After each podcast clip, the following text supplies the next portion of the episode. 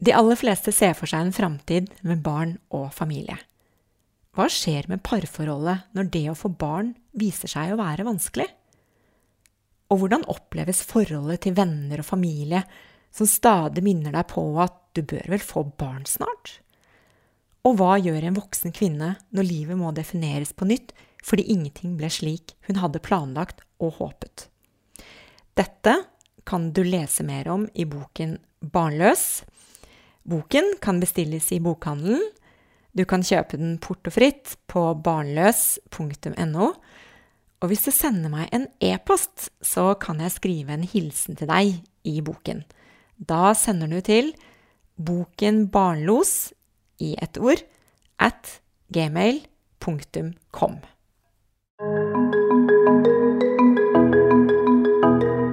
Dette er en podkast om barnløshet. Jeg ønsker å finne svar på hvorfor temaet er så viktig for oss. Jeg vil grave frem fakta på området, og ikke minst dele de viktige historiene bak. Jeg er Cecilie Hoksmark, og mitt mål er større åpenhet. I denne episoden har det sneket seg inn en skurrelyd når jeg snakker. Jeg tenkte selvfølgelig at uh, nå har jeg fått dreisen på det tekniske. Men så tar jeg altså hele turen til Oxford for å, ja, skurre det til. Håper du likevel vil lytte på. Debatten om surrogati, den har så vidt startet. Og jeg tenker at Aksel Braanen Sterri vil være en sterk stemme fremover. Velkommen, Aksel Brånen Sterri. Tusen takk.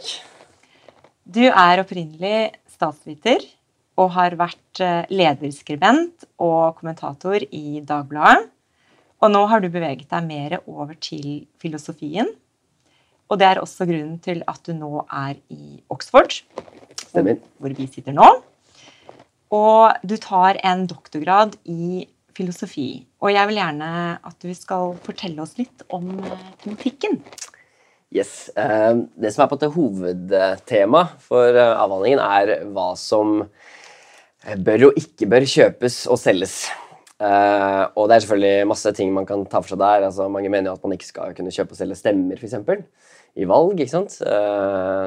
Vi har et system hvor du kan få stemme, og jeg kan få stemme, men jeg kan ikke kjøpe din stemme og dermed stemme for to. Uh, og det er ting som i mindre grad jeg tar for meg. på en måte. Uh, for jeg tror nok det vil være Det kan forklares av da, at du heller ikke kan gi bort en stemme.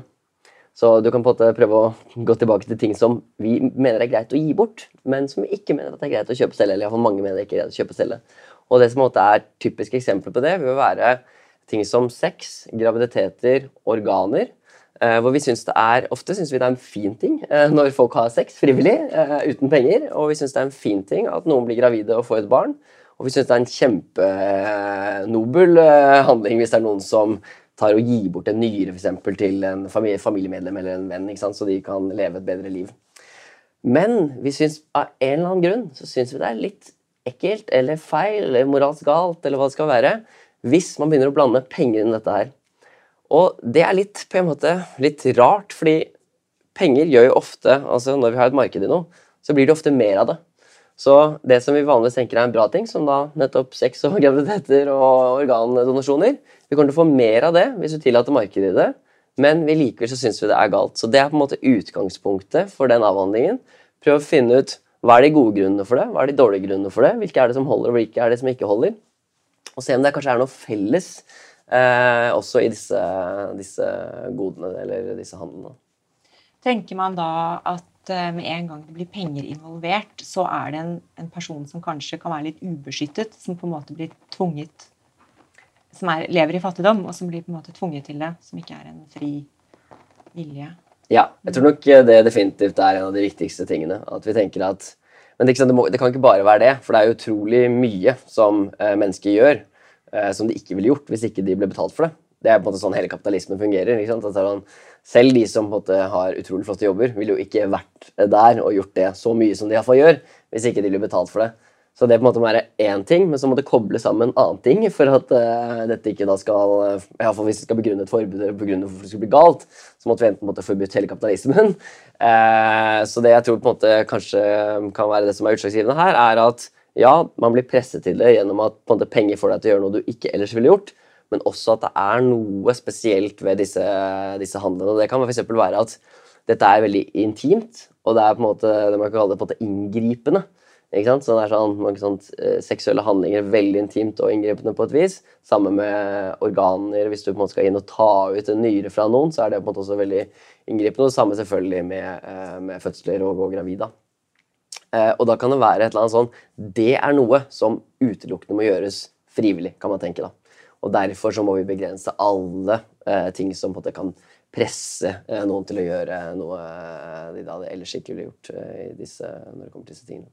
Mm. Du har eh, skrevet om eh, surrogati hvor du Det var i Aftenposten en, eh, et debattinnlegg. og der var du veldig for, sånn som jeg husker det. Mm. Ja, altså det som jeg, i hvert fall, Grunnen til at jeg ofte, når det kommer til mange av disse, både kommer til prosesjon, eh, nyrehandel og surrogati, eh, ofte prøver å presentere på en måte, en med kanskje ikke sterk case for, er jo fordi jeg ofte føler at eh, det sjelden gjøres. Det er veldig mange som problematiserer det, og det er jo allerede forbudt, alle disse tingene her. Eller iallfall ikke mulig å nettopp, gjennomføre disse kontraktene hvis du er eh, surrogatmor, f.eks. Så Nei, altså Grunnen til at uh, jeg var, eller har skrevet uh, innlegg for, uh, for surrogati, er at jeg føler at det er noe som vi de fleste er mot, ser det ut til å være. og de færreste på en måte gir en tydelig case for. da. noe som jeg egentlig tenker fortjener en god case for. Og det kan være, sant, sånn, Hvis du tar utgangspunkt i de tingene vi vanligvis syns er viktig i alle andre sammenhenger, som at igjen, eh, det er fordel for eh, foreldre å kunne bli eh, å få, Eller at mor kan bli gravid, de kan få et barn. Det tenker vi vanligvis er en fin ting. Og vi tenker også at det vanligvis er en fin ting at hvis noen har lyst til å gjøre noe og motta penger for det, så tenker vi også at det er en fin ting hvis de får lov til det. Både fordi det ofte gjør dem bedre stilt, for ellers ville ikke de inngått i den avtalen i utgangspunktet, men også fordi det er et uttrykk for deres frie valg. At vi vanligvis tenker at hvis noen sier 'dette har jeg lyst til å gjøre', så skal vi respektere det. Det syns vi vanligvis er viktig. Og det er litt delte meninger når det kommer til å sette barn til verden. Noen tenker at det, noen har en ekstrem posisjon og sier at det alltid er galt å sette barn til verden fordi du utsetter dem for en potensiell lidelse, men det er veldig sjelden, det er veldig få som har den posisjonen. De fleste tenker ok, hvis det kommer et barn til verden, og det har noen kjærlige foreldre som tar vare på dem, og de det, gjør, det, gjør, det, beste for at de barna får det bra, så er det også en fin ting for de barna. Så her ser du at liksom, vi har de vanlige grunnene for at noe er bra. Gjelder også dette tilfellet med surrogati. Uh, men likevel så er det så mange som er mot. Og det fins mange motargumenter, og vi kommer sikkert inn på flere av dem, uh, mot surrogati, men jeg synes det er litt sånn rart at ikke man flere på en måte løfter fram denne positive siden ved det, da, som tross alt er sånn Å ja, i utgangspunktet så skulle en jo tenke at dette her faktisk var noe vi burde tillate, og som vi nettopp tenker at det også var en fin ting. da. Tenker du at vi ikke diskuterer det nok? Vi diskuterer det ikke nok. Vi tør ikke å diskutere det? Ja, jeg tror en, vi, Om vi ikke tør å diskutere det, tror jeg iallfall man hopper på en måte til konklusjonen. Man sier Nei, eh, dette er av en eller annen grunn så er det galt. Eh, kanskje fordi man mener at eh, kvinner blir utnyttet til å gjøre det, eller kanskje fordi man mener at barn det er ikke optimalt for barn å bli født på den måten. Eller kanskje man har noen, måte, noen mer religiøse overbevisninger om at det er mor som skal være altså Den genetiske og sosial, biologiske mor skal også være sosial mor. Sånn må det være nødvendigvis. et eller annet sånt. Så på en måte man har de oppfatningene der, og så på en måte bare slutter man fra det til at dette her er åpenbart galt. Mens jeg tenker at vi bør ta oss den tiden det, trenger, det tar, og gå gjennom hele argumentet og se da, om disse argumentene mot surrogati tross alt er sterkere og sterke nok til å rettferdiggjøre ikke bare at surrogati er galt, for det er ikke alle ting som er gale som vi forbyr, men at de er så gale at vi må forby dem. Tror du at eh, det eksempelet fra India for Det er sikkert fem år siden nå, jeg husker ikke. Eh, som fikk eh, mye overskrifter og ble mye snakk om. Tror du det har fargelagt litt? At man tenker at dette er fattige mennesker som gjør dette her eh, kun for å tjene penger? At man ikke klarer å balansere det til at det er amerikanske mødre som gjør dette, eller i tilfelle at det kunne være norske mødre. Mm. Jeg tror du har rett i det at vi ofte, når vi ser for oss surrogati, så ser vi for oss på en måte de verste tilfellene. Hvor uh, det er nettopp uh, veldig veldig fattige kvinner som kanskje til og med også blir presset av ektemannen sin for eksempel, til å tjene penger. Uh, som opplever mye stigma og skam i lokalsamfunnet. Så de må ofte flytte til det man kaller sånn surrogatihoteller, og bor der under hele graviditeten.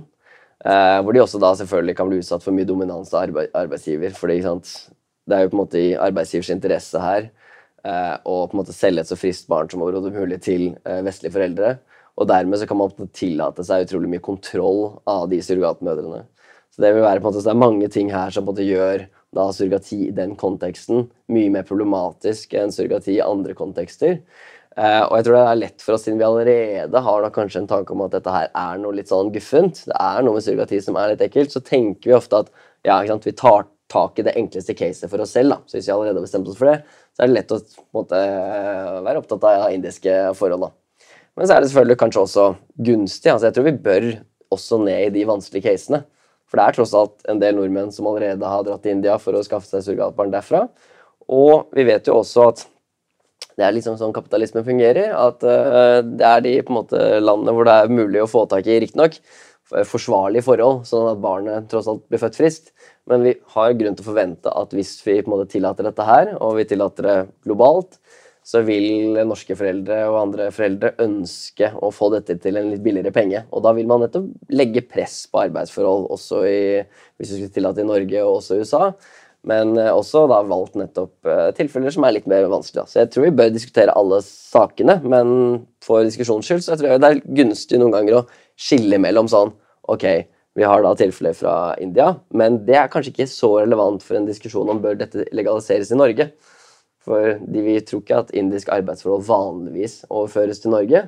Man kunne på en måte prøvd seg på en lignende en, en sammenligning med sånn Ok, skal vi, skal vi legalisere eh, klesfabrikker i Norge? Og så ser man til India og sier man, herregud, dette her ser jo helt forferdelig ut. Og så har du sett arbeidsforholdene der på sånne sweatshops der hvor det er jo helt forferdelig. Og nylig i Bangladesh så var det på en måte sånn 4000 mennesker som døde i en sånn en klesfabrikk uh, der. Men det er jo ikke relevant for en overføring til norske forhold, hvor vi både har arbeidsmiljølov, vi har velferdsstat som gir goder hvis det er slik at man ikke ønsker dette her. Og vi tror også at eh, de kvinnene eh, vil på en måte ha, kanskje nettopp være bedre informert om hva de går til da i Norge. Så det er noe med nettopp å tenke hva er det egentlig jeg prøver å få ut av å bruke India som case. Er det for å si at surrogati bør være forbudt i India? Eller er det for å si at surrogati er forbudt i Norge? Og hvis det er at surrogati skal være forbudt i Norge, så bør man nok bruke andre cases, da. Mm.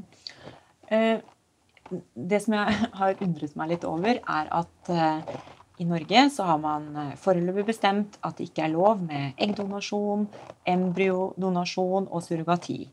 Men likevel så kan nordmenn dra til Danmark, som er korteste for eh, eggdonasjon. Eh, man kan dra til USA for å få en surrogatmor. Så på en måte så undrer jeg meg litt over hvordan man kan si at det er landegrensen. Du får, du, du får lov til det, men ikke innenfor disse landegrensene. Mm, mm. Nei, noen ganger så kan man tenke seg at Altså, det kan selvfølgelig være, det kan være flere grunner til å gjøre det. da, så Hvis vi bare nå ikke eh, stiller spørsmål ved om det er galt, men vi kan tenke, tenke at det er galt å bruke eggdonasjon, eller på en eller annen grunn så måtte, får det gale konsekvenser, eller hva det skal være. Så kan man tenke at et land eh, på en måte kan jo bare gjøre noe for seg selv. altså, så, så vi, vi, kan ikke alltid bare tenke greit, det er lovlig et annet sted, eller, så dette blir jo på en måte forgjeves uansett. Nei, ja, ok, det er kanskje litt forgjeves, men vi prøver å gjøre det som er rett for oss. Uh, og kanskje så tenker vi også at loven ikke bare er um, Det er ikke bare slik at den bestemmer på hva som er rett og galt, og dermed begrenser atferd, men det er også at den sender et signal om hva som er rett og galt. Så den forteller på en måte borgerne at dette er noe du ikke skal gjøre. Og selv om da noen likevel vil bryte loven, så å dra til et annet land for å få dette uh, håndtert, eventuelt bare ikke bryte loven direkte, for det er ikke norsk jurisdiksjon, men de drar til et annet land og får det gjort der, så er det likevel sånn Ok, vi har iallfall prøvd å fortelle dere hva dere ikke skal gjøre. Så det kan også være noen som mener at det er en fair måte å drive lovgivning på, da. Så man kan også Det kan være på det flere da, grunner. Det kan være sånn her, også at vi sier at det er nettopp en gal praksis. da. Så er dette noe vi på en måte ikke bør være eh, delta i som land, da, ikke sant? som et folk. Vi foretar en kollektiv beslutning av at dette her er noe vi ikke syns bør gjøres. Ja, det vil være enkelte nordmenn som bryter med det. Men vi som fellesskap ønsker ikke å legge til rette for en slik praksis. Vi ønsker ikke å være deltaker i en slik praksis. Og det kan også være legitimt å gjøre. da. Men så mener jeg at sant, måte, da har vi på en måte lagt en, liksom, kan, kan ha en sånn formell diskusjon, eller en metadiskusjon, hvis vi kaller det vi akkurat uh, deltok i nå.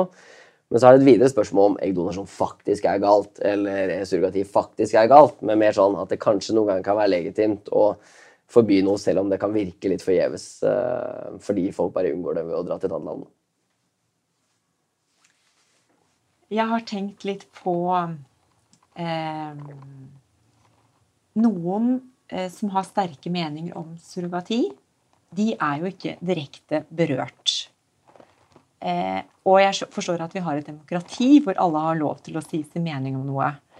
Men i denne saken her så er det jo et veldig stort og viktig tema for den det angår. Eh, kunne man ha sett på det som at det er de som får lov til å avgjøre hva som er det riktige? Eh, jeg, jeg tenker iallfall at det har liksom, å kalle det presumpsjonen for seg. Uh, fordi vi nettopp i mange andre tilfeller så tenker vi at ok, er dette et valg som skal tas for den enkelte, som berører den mest? Uh, og dette er definitivt et tilfelle her. ikke sant? At det er foreldrene som skal ta et valg om de ønsker å bli foreldre eller ikke. Eller to mennesker som ønsker å bli foreldre, og om de skal bli foreldre eller ikke. Det er det valget de tar. Og i, selvfølgelig påvirker dette delvis andre mennesker. ved at Hvis de kommer et nytt barn inn i verden, så reduserer det eller øker det barnehagekøen for noen andre. Altså, da, ting har alltid konsekvenser for andre, men vanligvis så tenker vi at dette er noe som foreldre bør få lov til å velge selv. Ok, Du har to barn allerede. Noen er bekymret for at vi blir for mange, mange mennesker her i verden. Men likevel så sier vi ikke at ok, den norske stat bør dermed begynne å begrense øh, kvinner fra å få flere barn. Greit, Det er noe som har konsekvenser for andre, men vi skal ha veldig veldig, veldig gode grunner før vi begynner å gripe inn i uh, kvinners valg i disse tilfellene her. Så det på en måte sånn, gir en god grunn for å si at ok, dette her er noe de må kunne bestemme selv. Og selvfølgelig det som gjør det litt vanskelig i dette tilfellet her, er jo at det er en annen part involvert. Det er en mor eller en surrogatmor som må gå, gå, gå gravid i ni måneder. Eh, kanskje ha noe oppfølging i etterkant. Eh, så dette her er noe som ikke bare gjelder de foreldrene eller de som ønsker å få et barn. Det gjør at vi kanskje kan si at vi bør begynne å blande oss inn i dette her. Men igjen så har vi på en måte presisjon for å si hvis det da er et menneske som ønsker å inngå i den avtalen med noen andre, ønsker i bytte mot betaling i dette tilfellet her, bære fram et barn for andre, så er det også noe vi vanligvis tillater dem å gjøre. Og det, selv om det ikke er så et så Altså det er et viktig valg for dem, så de må påta seg den kostnaden. Men det er selvfølgelig ikke så. Det er ikke de som må leve med å ha et barn i 20 år eller 80 år, eller hva det skal være.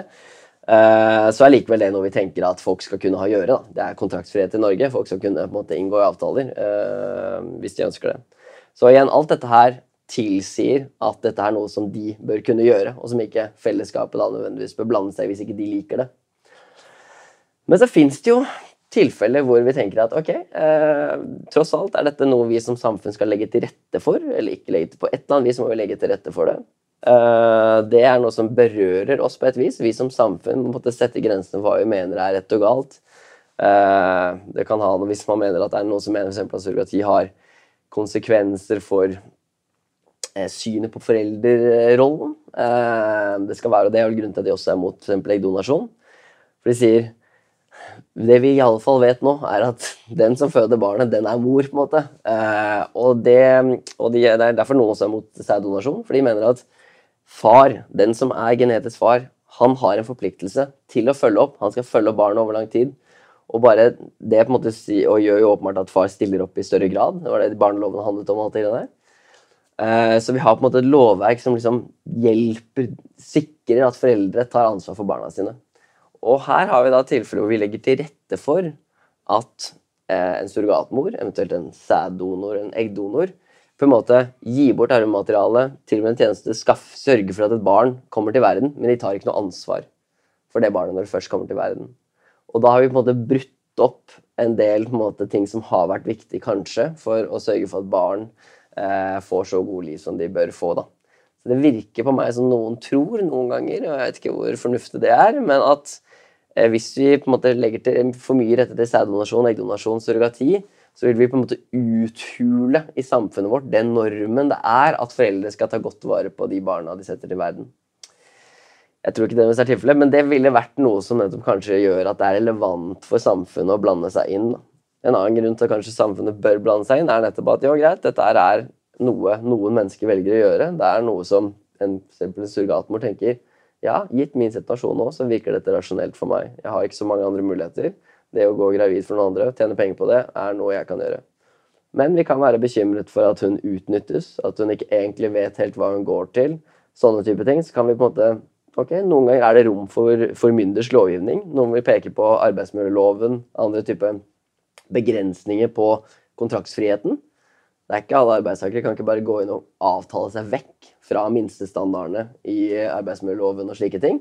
Det er visse ting du må følge. Og hvis noen vil kanskje mene at surrogati er så farlig, det å gå gravid er så farlig, eh, du utsetter deg for en så stor risiko at dette her ikke er noe du bør kunne avtale deg vekk ifra. Da.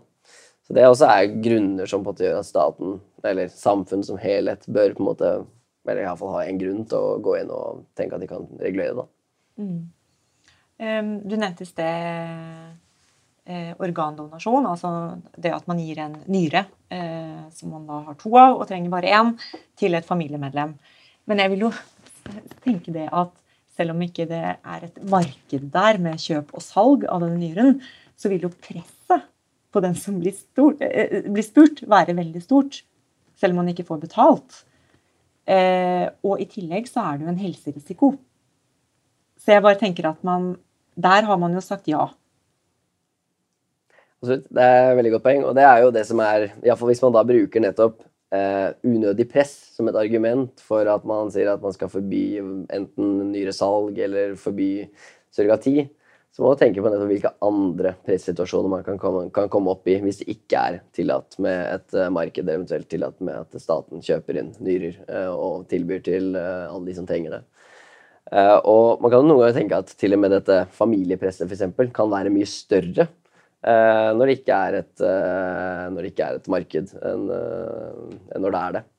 For tross alt er sånn, Jeg føler jo også, si at for eksempel, Hvis det er slik at det er mulig, hvis vi holder oss til det nye eksempelet, kan man si at hvis det er slik at staten tilbyr en million kroner til alle som vil gi opp en nyre for noen Det vil fortsatt være en veldig flott handling å gjøre, men du vil nettopp få en million kroner. Og da vil jeg tenke som Ok, kanskje trenger jeg de pengene, kanskje trenger jeg dem ikke.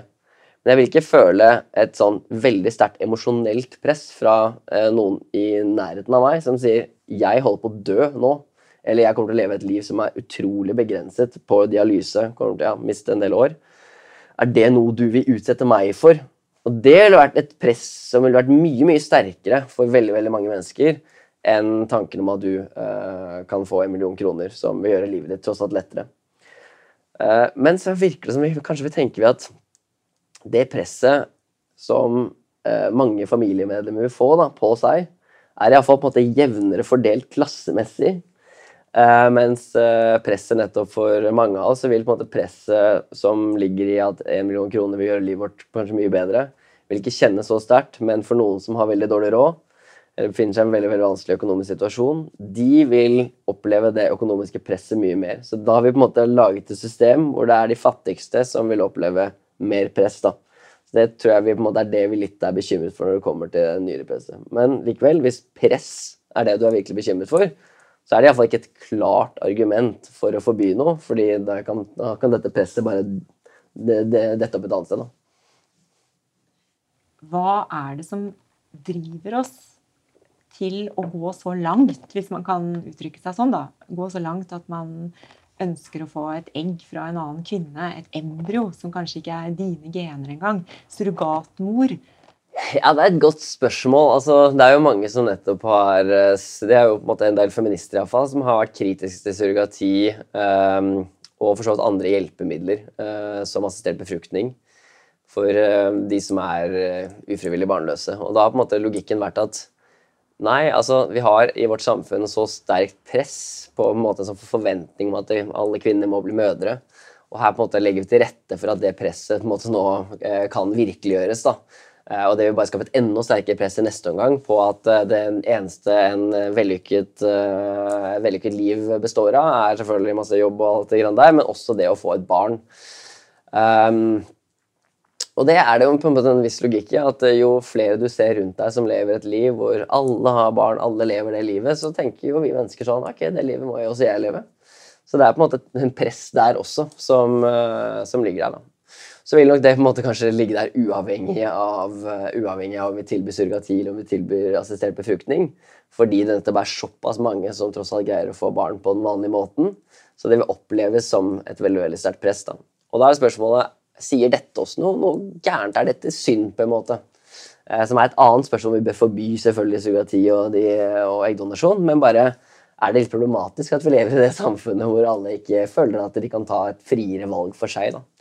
Og det tror jeg jeg vil si ja, at det er kanskje litt synd at ikke det anses et barnløst liv eh, av flere anses som på en helt normal ting å gjøre. Altså, og det kan noen selvfølgelig bli begrunnet i overbefolkning og slike ting, men også bare eh, muligheten til Jeg syns det, det som jeg synes er litt sånn rart, er jo Jeg skjønner veldig veldig godt at de som har barn, eh, syns det er fantastisk. Eh, og enten så lyver de oss til oss alle sammen, eh, eller så er det nok noe i det å få barn som er veldig, veldig flott.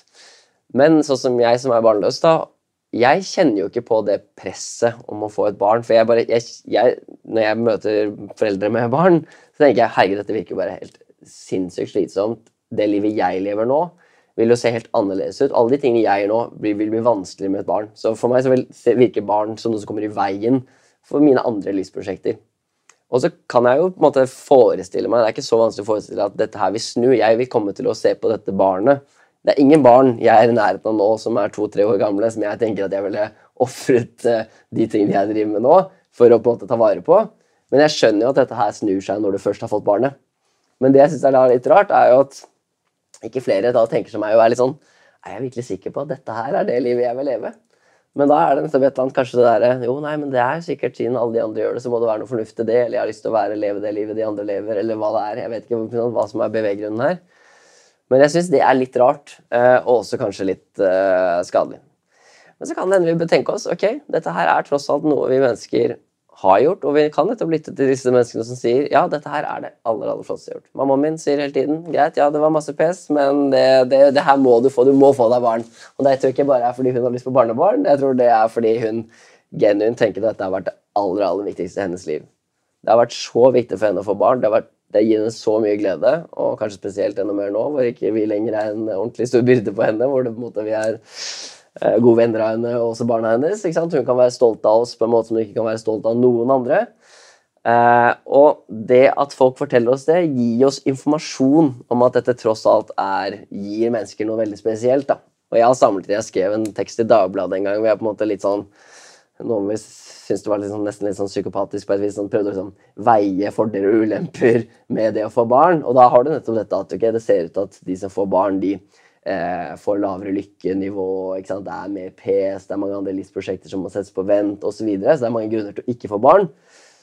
Oss nettopp å stå på den siden som jeg står, så er det litt sånn hm, Hva er det man egentlig går til? Men det som er kanskje den nærmeste parallellen, er jo det å si at du bare har hatt venner, du har aldri hatt en kjæreste som du har vært forelsket i, eller elsket på den måten.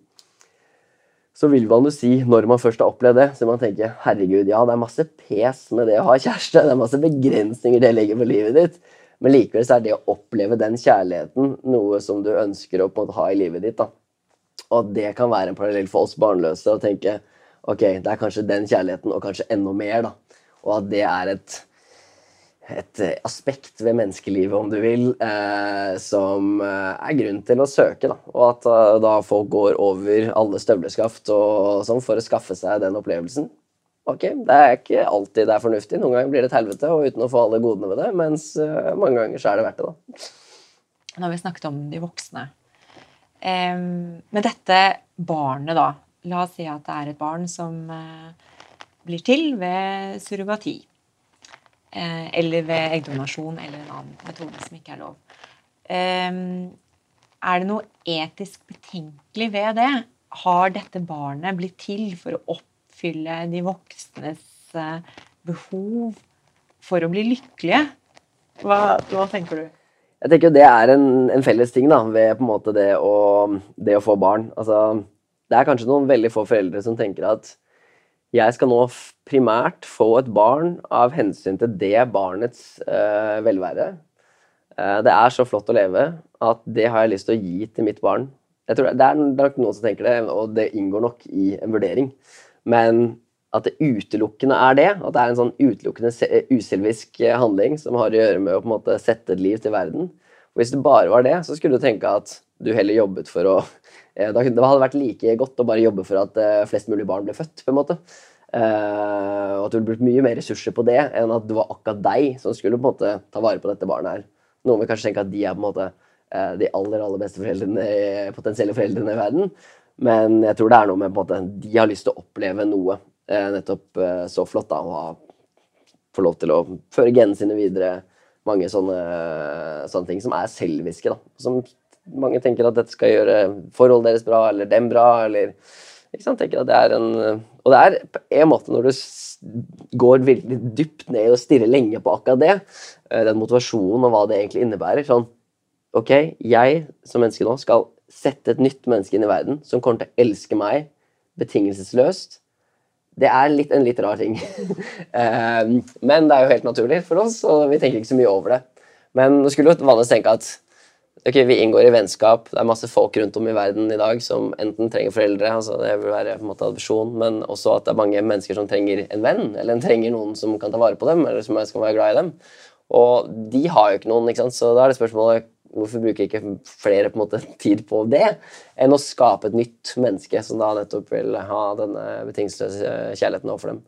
Men likevel, det er på en måte en naturlig ting. Det her er noe mange gjør.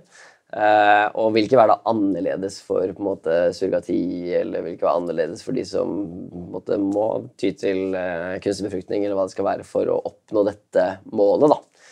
Uh, og det er jo heldigvis slik at vi kan ha flere tanker i hodet på en gang, så vi kan på en måte både ha dette selviske målet som har å gjøre med oss, at vi kommer til å bli lykkeligere, at vi ønsker å oppleve en eller annen fin ting, men samtidig som vi ønsker å gjøre dette for noen andre. Og det, dette er en sånn, sånn Kant kjente eh, kan du kalle det, maksime, er jo at sant, du skal ikke behandle noen som utelukkende et middel, eh, men som mål i seg selv. Og jeg tror det er veldig få som bruker eh, barn utelukkende som middel, og det tror jeg heller ikke gjelder i surrogati. Eh, men de bruker dem dels som midler, akkurat som vi bruker alle andre mennesker rundt oss som delvis som midler. Men det på en måte må være greit så lenge vi også behandler dem da som mål i seg selv, som noe som det er, som på en måte skal ha det bra. da.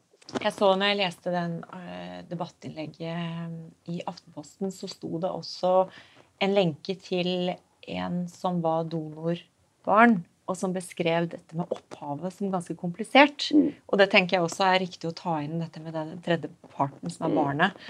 Uh, ser du noen betenkeligheter der? Ja, og dette her er veldig spennende, syns jeg egentlig. For det er sånn det er jo noen Det er flere problemer her, på en måte. For barn som nettopp kanskje blir født av en, en mor, og kanskje er Eller og veldig ofte er jo surrogat. Ofte er det en surrogatmor, og så er det en annen eggdonor. Så du har, du har, på en måte en genetisk mor som du ikke har kontakt med, og så har du det vi kan kalle en biologisk mor, eller en fødende mor, som eh, du heller ikke har kontakt med. Og så har du da bare kontakt med din sosiale mor og din sosiale far, som ofte er da genetisk tilknyttet til deg også. Og da kan man spørre seg sånn Er det problematisk for barn? Og der har man jo mest erfaringer, tror jeg, fra adopsjon. Og det er ikke en helt perfekt parallell, fordi det er ofte mange som du blir det, Du kanskje blir adoptert bort seinere, så du på en måte har hatt noe i det første leveåret ditt, eller kanskje til og med noen ganger i de første leveårene dine, som gjør at du har en usikker tilknytning til verden generelt og til alle de nye foreldrene dine. Mens i dette tilfellet her så er dette den eneste verden du har levd i. Dette er foreldrene dine. Og de, du er eh, ønsket av dem.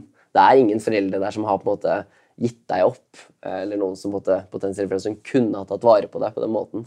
Hvis eh, du kommer til verden utelukkende som et produkt av at dine foreldre, som nå er dine foreldre, ønsket å få deg hit, og det gjør det litt annerledes, tror jeg. Men jeg tviler jo ikke på at noen vil kunne komme i tenårene mange mennesker i tenårene får identitetskriser, begynner å stille spørsmål ved ting, og at man da lurer på hm, hvem, er, hvem er disse som har gitt uh, arvemateriale til meg, og hvem var hun som på en måte uh, fødte meg? Uh, som gjør at, Og det kan være problematisk for noen. Og det er mange andre ting man kan gå på sånn. Noen mener at det kanskje er problematisk at det bør være en match mellom genetisk mor og eh, fødende mor og sosialmor. At det skaper et ekstra bånd f.eks. mellom mor og barn, som eh, du da ikke får eh, i like stor eh, grad hvis du er eh, født av surrogatmor. andre vil si at nei, men hvis det er to homofile foreldre Eh, om det er far-far eller mor-mor, så vil ikke de være like gode foreldre som eh, Eller ikke gi alt det som foreldre skal gi til sine barn, fordi barn bør vokse opp med én farsfigur og en morsfigur. Sånn har det alltid vært, og sånn bør det være. Og selv om vi på en måte, man kan diskutere alle disse tingene her, om de er på en måte reelle, og hvor store skader det egentlig er, men jeg tror til og med om man bare sier ok, vi aksepterer at det optimale er å bli født av et heterofilt par Eh, de blir født på naturlig vis. Eh, sosial mor er både da genetisk og biologisk mor, og far er eh, genetisk far og den sosiale far. Da. Det er på en måte den optimale situasjonen. Men det relevante for barnet og barnets ve og vel må jo være ok, kunne det blitt annerledes for deg? Kunne du fått det bedre? Har du krav på et bedre liv? Og igjen så syns jeg det på en måte er litt vanskelig med surrogati, for det er jo ikke sånn ok, det er to foreldre som ikke kan få barn på en annen måte. Og da er det ikke spørsmålet hva ville vært ideelt for et hypotetisk barn. Det relevante spørsmålet er jo ok, du kom til verden. Dette var det beste vi kunne gi deg. Akkurat som det ikke er relevant å si ok, to fattige mennesker de har, ikke, de har jobbet hardt for å prøve å gjøre livet bedre økonomisk sett, men de har ikke mer. Skal vi nekte dem, vi nekte dem å få barn fordi de, det er bedre å bli født av rike foreldre enn fattige foreldre? Ja, ok, kanskje det er bedre å bli født av rike foreldre enn fattige foreldre, fordi da har barna flere muligheter. Men for de fattige foreldrene så er ikke det en mulighet. Så den der, måte, Jeg syns vi noen ganger setter en, på vi setter en terskel som vi ikke ville satt for andre ting. da. Det er ikke sånn at vi vanligvis tenker at ok, eventuelt ba, eller foreldre med ulike eller annen funksjonshemning som er genetisk, da, så er det en økt risiko for at barnet kommer til å bli født med den samme funksjonsnedsettelsen. Og det vil, kan vi anta gjør livet deres litt vanskeligere. Men vi, ja, ok, kanskje noen vil si at okay, da har dere en forpliktelse til å bruke genterapi. Men si at det ikke finnes noe genterapi tilgjengelig. Skal de ikke få barn? Så lenge det barnet lever et måte, tilstrekkelig godt liv, så tenker vi vanligvis ok, nei, det, det er greit nok. De kunne de kunne, det kunne ikke blitt noe bedre. Og det, jeg mener vi på en måte vi bør tilstrebe alltid å være på en måte såpass konsistente at vi har liksom, vi setter, stiller de samme kravene til denne nye praksisen som vi stiller til den gamle praksisen. Og eventuelt må være villige til å uh, gå den andre veien da, hvis vi vil det, og si nei, jeg mener at det bare skal være perfekte foreldre som får, får barn. Ok, men Det får noen ganske ille konsekvenser, men da må jeg være villig til å si det iallfall. Hva tenker du om eh, disse valgene som øker mulighetene da, for å få barn, og valgene vi har, de, de øker og øker jo. Og hvis vi nå tenker oss en gang i framtiden, så eh, har jeg i hvert fall lekt med tanken om at vi kan jo designe det perfekte barnet. Vi kan ha en kunstig livmor med de perfekte forholdene. stille Mozart i uke ditt og datt osv. Eh, og hvor går grensen? Mm. Og hvem skal sette den grensen? Vi forskyver jo de grensene hele tiden. Vi henger jo med. Absolutt. Og jeg tror det er veldig vanskelig å på en måte sette grensen nå. Eh, og det gjør at noen Noen tenker siden vi ikke greier å sette grensen nå, eller siden det er veldig vanskelig å sette grensen eh, på dette stadiet her, Eh, da bør vi sette grensen nå her med en gang. Altså vi bør si Ikke start med noen utglidninger. Ikke tilby eggdonasjon, for det leder til surrogati i neste tilfelle. Ikke tilby surrogati, for neste tilfelle nettopp så leder dette til designerbarn. Og på et vis så forstår jeg den uh, skepsisen. Uh, blant annet fordi hvis du som forelder inngår i en surrogat, så du skulle skaffe en surrogatmor, så må du skaffe deg en eggdonor. Ok, hvordan er det du velger en eggdonor? jeg tror det blir veldig naturlig å inngå i det vi vil kalle en eugenisk praksis. Hvor du begynner å se hva var utdanningsnivået til mor? Hvordan ser hun ut? Uh, hva er hennes andre egenskaper? Har hun, har hun vært kriminell? Altså, det er mange ting som er relevant for foreldre i den situasjonen her. Og da plutselig det ting, ting som mange vil se på som det å nettopp designe en baby, som mange har veldig sterke eh, følelser mot, vil bare framstå som helt naturlig. Så det tror jeg er noe som, så dette er helt åpenbart en sånn snikinnføring, på et vis av det mange vil kalle eugenikk, som mange forbinder med eh, veldig ubehagelige eh, historiske hendelser.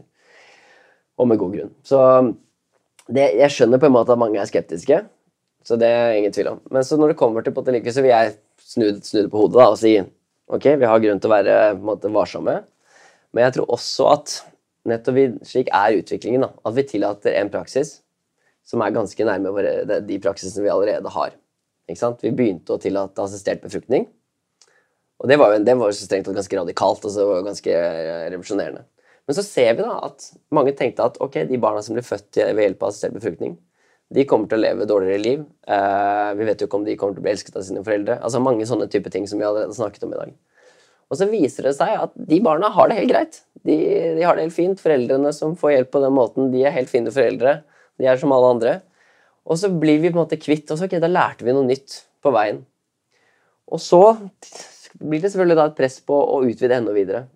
Men det er ikke en helt sånn Jeg synes ikke det er, det er en skadelig skråplanseffekt. Det er mer en sånn Ok, vi lærte noe.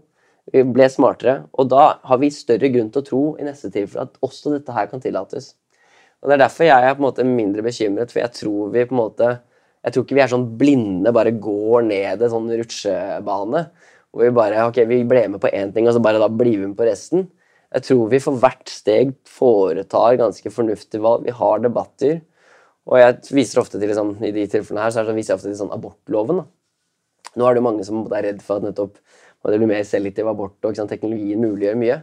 Men det er ikke tydelig at abortloven har vært en tydelig sånn skråplanseffekt, sånn som mange trodde. Vi har, hatt, vi har en veldig streng eh, abortlov etter eh, europeisk eh, standard. Eh, selvbestemt abort innen, innen uke 12. Det er ingen gode grunner for at en selvbestemt abort skal være på uke 12. Det er ingenting som skjer ved fosteret fra uke 11 til 13 som er moralsk relevant. Og det er det ingen som mener, så vidt jeg er bekjent. Og likevel så har vi holdt ved den grensa. Vel, ta handlingsregelen et helt annet opplegg. Vi skal ikke bruke mer enn eh, tidligere 4 av avkastningen av oljefondet, eller, eller 4% av oljefondsverdi, for det er forventet avkastning. Så reduserer du det til og med til 3 Mange vil si hvis du først har det greiene der, så vil du bare skli helt ut.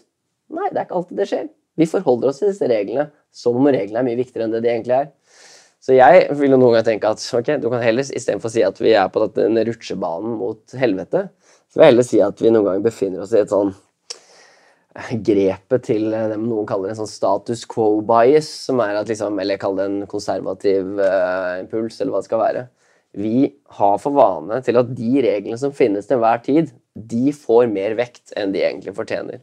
Så det skal veldig mye til å dytte en regel som allerede er til stede, vekk. Fordi vi tillegger av en eller annen grunn det eksisterende, det bestående, gir vi mer verdi. da. Nå er det lurt, fordi eh, vi vet ikke hva som kommer, vi vet hva vi har. Eh, men jeg tror nettopp at de grunnene, at pga. nettopp vår konservatisme, så er det ikke slik at vi iallfall ja, Det er kjempefarlig å begynne å eksperimentere med å gjøre en litt annen ting. Men det er mye å sies. Hvis du vil, så kan vi gå videre på dette med sånn uh, designer babies og, og, slike ting. Det er, det, er my, det er, mye å si der. Uh, og igjen så er nok jeg blant de som tenker at det kan definitivt misbrukes. Uh, og det er helt ingen tvil om at det også er overhypet. Uh, man tenkte en stund uh, drev med sånn, Man tenkte at nå kunne man kartlegge genomet vårt. Og da vil vi på en måte finne genene som skal sikre at vi blir mer intelligente. For eksempel, det vil være ett gen, kanskje hopper man da, som skulle være sånn, Det kan skrus av og på. eller Man kan ta et gen fra noen andre og putte det inn i noen andre, og så vil de få på en måte 10-20 ekstra IQ-poeng, eller de kan bli så mye snillere, eller hva det skal være. Og så Nå ser det ut til å være tilfellet at ja, det er ingen tvil om at eh, ting som intelligens og utadvendthet eller eh, selvkontroll, eller hva det skal være man er opptatt av, eh, som mange ønsker for sine barn, det er, ikke, det er likevel slik at det er på en måte, ja, det er genetisk. Veldig sterkt arvbart så er du et, um, har du foreldre som er nettopp uh, har høy selvkontroll, er uh, intelligente, er utadvendte, whatever, så vil det være ting som i større grad vil på en måte gjenfinnes i barnet. Men det er ikke sånn at man finner enkeltgener, så det er ikke så lett å designe barn. Uh, det er masse masse, masse gener som virker sammen, som har masse ulike virkninger, mest sannsynlig, som gjør dette her til en veldig vanskelig øvelse. Noen vil jo, og her vi sitter nå, på The Euro Center i Oxford, så er det jo han lederen derfra er jo, er lederen her er jo Julian Sevelescu. Og han har jo tatt til orde for at vi bør ta i bruk, eh, hvis vi kan, og det ikke har store bivirkninger, så bør vi ta i bruk mer design eh, av babyer. Eh, fordi tross alt. Hva er det vi driver, Hvorfor har vi utdanning? Uh, vi har enorme ressurser som uh, dyttes inn i å gjøre barna flinkere, smartere, snillere, mer moralske, hva det skal være. Det er, det, det, er, jo prosjektet. Uh, og det å si at dette er kjempebra etter fødsel, og helt forferdelig før fødsel gjennom genmanoperasjon, har igjen iallfall presisjon mot seg så kan det hende at det finnes noen gode grunner til å gjøre det. At vi vet ikke hva vi tukler med og slike ting. Men det er på en måte praktiske eh, problemer, mer enn det er på en måte dyptliggende moralske problemer. Noen vil selvfølgelig si vi skal ikke leke Gud. Ok, det er det ikke det legevitenskapen er? Er det ikke det liksom vi driver med hele tiden? Så er, dette er kanskje ikke på en kvalitativ forskjell. Det, er, eh, det, vil endre ting, og det kan misbrukes. Det kan tas bruk av de rikeste, og dermed vil på en måte, i noen scenarioer her vil dette her gjøre at de aller rikeste kan stikke av fra de andre og bli enda smartere og skape masse ulikheter. Men igjen, dette er ting som vi har håndtert før. Vi kan håndtere ved hjelp av mer sosialdemokratisk politikk, ikke sant? hvor dette tilbys for mange til en billigere penge som en del av offentlig helsevesenet. Så igjen så tror jeg det er en av de spørsmålene som er kompliserte, ingen tvil, og det blir ofte veldig spekulativt, siden vi ikke har teknologiene her og nå. Men som vi også, tror jeg, tenker ikke så klokt om som vi burde. da at her er det en mye sterkere case for å faktisk ta det i bruk enn det vi ofte tenker. Da. For vi får en dårlig smak i munnen av det, og da bare tenker vi det her må det være noe galt. Men det er vanskeligere enn man skulle tro å faktisk finne veldig sterke argumenter mot eh, å tillate foreldre å ta i bruk genterapi f.eks. For, for å eh, gjøre at barna deres selvfølgelig slipper en sykdom, det er alle enige om, men også da på en måte kan forbedre dem på ulike, på ulike vis, som vi allerede prøver å forbedre dem etter fødselen. Kanskje akkurat det med genterapi ligger litt lenger fram i tid, men det som ligger i kortene, er jo at det kommer en ny runde med diskusjon rundt eggdonasjon, mm. embryodonasjon og surrogati. Eh, har du Vil du eh, anslå når vi har dette i Norge? ja, mange trodde jo at eggdonasjon i alle fall eh, skulle legaliseres nå, tillates nå. Eh, så er det jo, ikke sant, så kommer KrF inn i regjering og slike ting, og så blir sånn satt en eh, stopper for. Og Høyre er jo relativt ja, konservative på dette spørsmålet, de òg. Men altså, dette her er ikke sant, kommer, kommer det en ny rød-grønn regjering, eller en Arbeiderparti-styrt regjering, så, og den ikke inneholder eh, KrF, så virker det veldig rimelig at iallfall eggdonasjon tillates. Surrogati sitter mye lenger inne. Embryodonasjon vet jeg faktisk ikke. Jeg har ikke sett så veldig mye diskusjon om det. Og jeg, ser ikke helt, jeg, vet, jeg vet ikke helt hva, hvilke, hvordan partiene stiller seg til det. Um, men surrogati i alle fall virker til å være langt unna. Og det merker du også i diskusjonen. Uh, og for så vidt Det er en helt egen diskusjon. Og selv om ikke sant, mange her, sånn Hanne Skartveit, politisk kommentator i VG, Uh, som er veldig, ser veldig Hun sier ikke sant, tillat veggdonasjon, så er surrogati det neste. Og jeg tror hun på en måte har delvis rett i at uh, hvis du tillater det ene, så gjør det lettere å tillate det andre, for da har du mistet ett viktig argument for noen. Da er det ikke lenger slik at nettopp fødende mor nødvendigvis er genetisk uh, mor. Så det er på en måte det er ett viktig såkalt prinsipielt argument borte fra å også legalisere surrogati. Men jeg tror likevel at folk tenker på helt andre ting. Det er ikke det som egentlig gjør at folk er mot surrogati folk tenker på hun stakkars kvinnen som blir utnyttet, eh, som blir behandlet som et rent middel av vestlige foreldre som, eh, som bare tenker på at de nettopp har noe egoistiske behov for å få barn. De burde adoptert isteden. Altså, vi har mange sånne grunner eh, som gjør at surrogati sitter mye lenger inne. Og det merker man jo også innad i Arbeiderpartiet. Arbeiderpartiet er jo ofte en fin sånn kanarifugl her, føler jeg. For det er sånn eh, De er på det kvinnepartiet, men de er også konservative når det kommer til biotekniske spørsmål. Og i eggdonasjon så er de klare på å si liksom, dette er et kvinnesaksspørsmål. Uh, det er, er, handler om likestilling. Likestilling av sæddonor og eggdonor. Uh, vi har ikke noen god grunn for å måte, skille de to. Og de er da en klar tilhenger av eggdonasjon. Mens med surrogati så ser man det. Jeg skrev jo det innlegget i Aftenposten sammen med varaordfører i Oslo, Kamzy Gunaratnam. Og det er kjempeupopulært i Arbeiderpartiet eh, at hun er med å løfte den debatten. ikke sant? Fordi dette her er noe som nettopp Her går den likestillingsgreia, eller feminismen, på en måte snus på hodet fra eggdonasjon. Og her er det nettopp det feministisk riktige, eller det riktige sett fra på en måte å forsvare kvinnens rettigheter, er å forby det, er det mange som mener. Ikke sant? Fordi disse kvinnene nettopp er fattige og tvinges av sine omstendigheter til å inngå i dette her, og det skal vi på en måte beskytte dem mot. da, ser ut til å være det rette å gjøre. Eventuelt at nettopp dette er så farlig at det er det ingen kvinner som bør gjøre. Og så glemmer man jo for et tidspunkt at uh, veldig mange kvinner går gravide for seg selv, så det er ikke slik at graviditet i seg selv er så farlig at dette er noe vi bør forby eh, kvinner å gjøre. Men eh, åpenbart, eller av en eller annen grunn, er det slik at dette her er, er så farlig når, til, eh, når du ikke gjør det for deg selv, at dette burde da nektes å gjøre, uansett hvor godt du blir kompensert for det økonomisk. Eh, så det, det ser ut til å være langt unna eh, i det politiske landskapet, men også i befolkningen som helhet.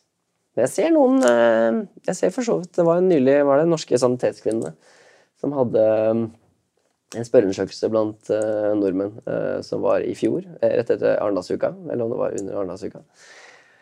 Uh, hvor de Det så ut til å være omtrent halvparten Det var litt uklar spørsmålsstilling, men om, omtrent halvparten av befolkningen tar og støtter surrogati.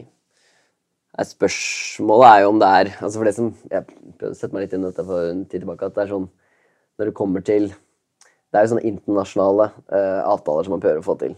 Man har jo på en internasjonal avtale for adopsjon. Ja. Og det har man tenkt sånn, ok, kan dette tilpasses på et vis til surrogati? Ja. Mens, eh, og det man liksom, fordi det som er et av kanskje noen vil si at et, av hovedargumentene for å legalisere, er jo at nettopp folk tar det i bruk uansett. Og nå kommer, sant, som hun norske kvinnen som ble stuck i India.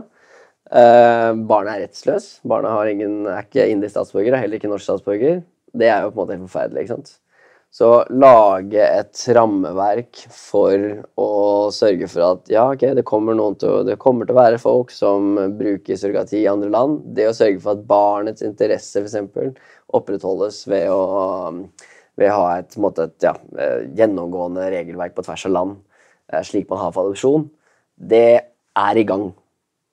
Når det blir ferdig, og hvordan det kommer til å se ut når det blir ferdig, det er uklart. Men det er jo også noe som da vil mest sannsynlig påvirke norsk lovgivning. Påvirke iallfall muligheten norske foreldre har til å benytte seg av surrogati. Så det er på en måte liksom egentlig to ulike spørsmål, kanskje. da. Et spørsmål er kommer det til å legaliseres i Norge. Det ser nå ut til å være veldig langt unna.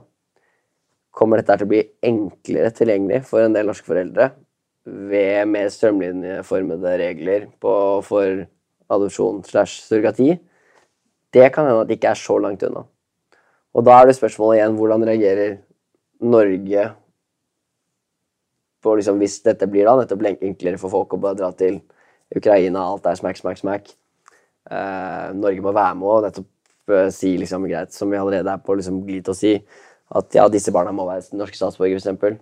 Så har vi på en måte bare lagt til rette for det, bare at det skjer i et annet land.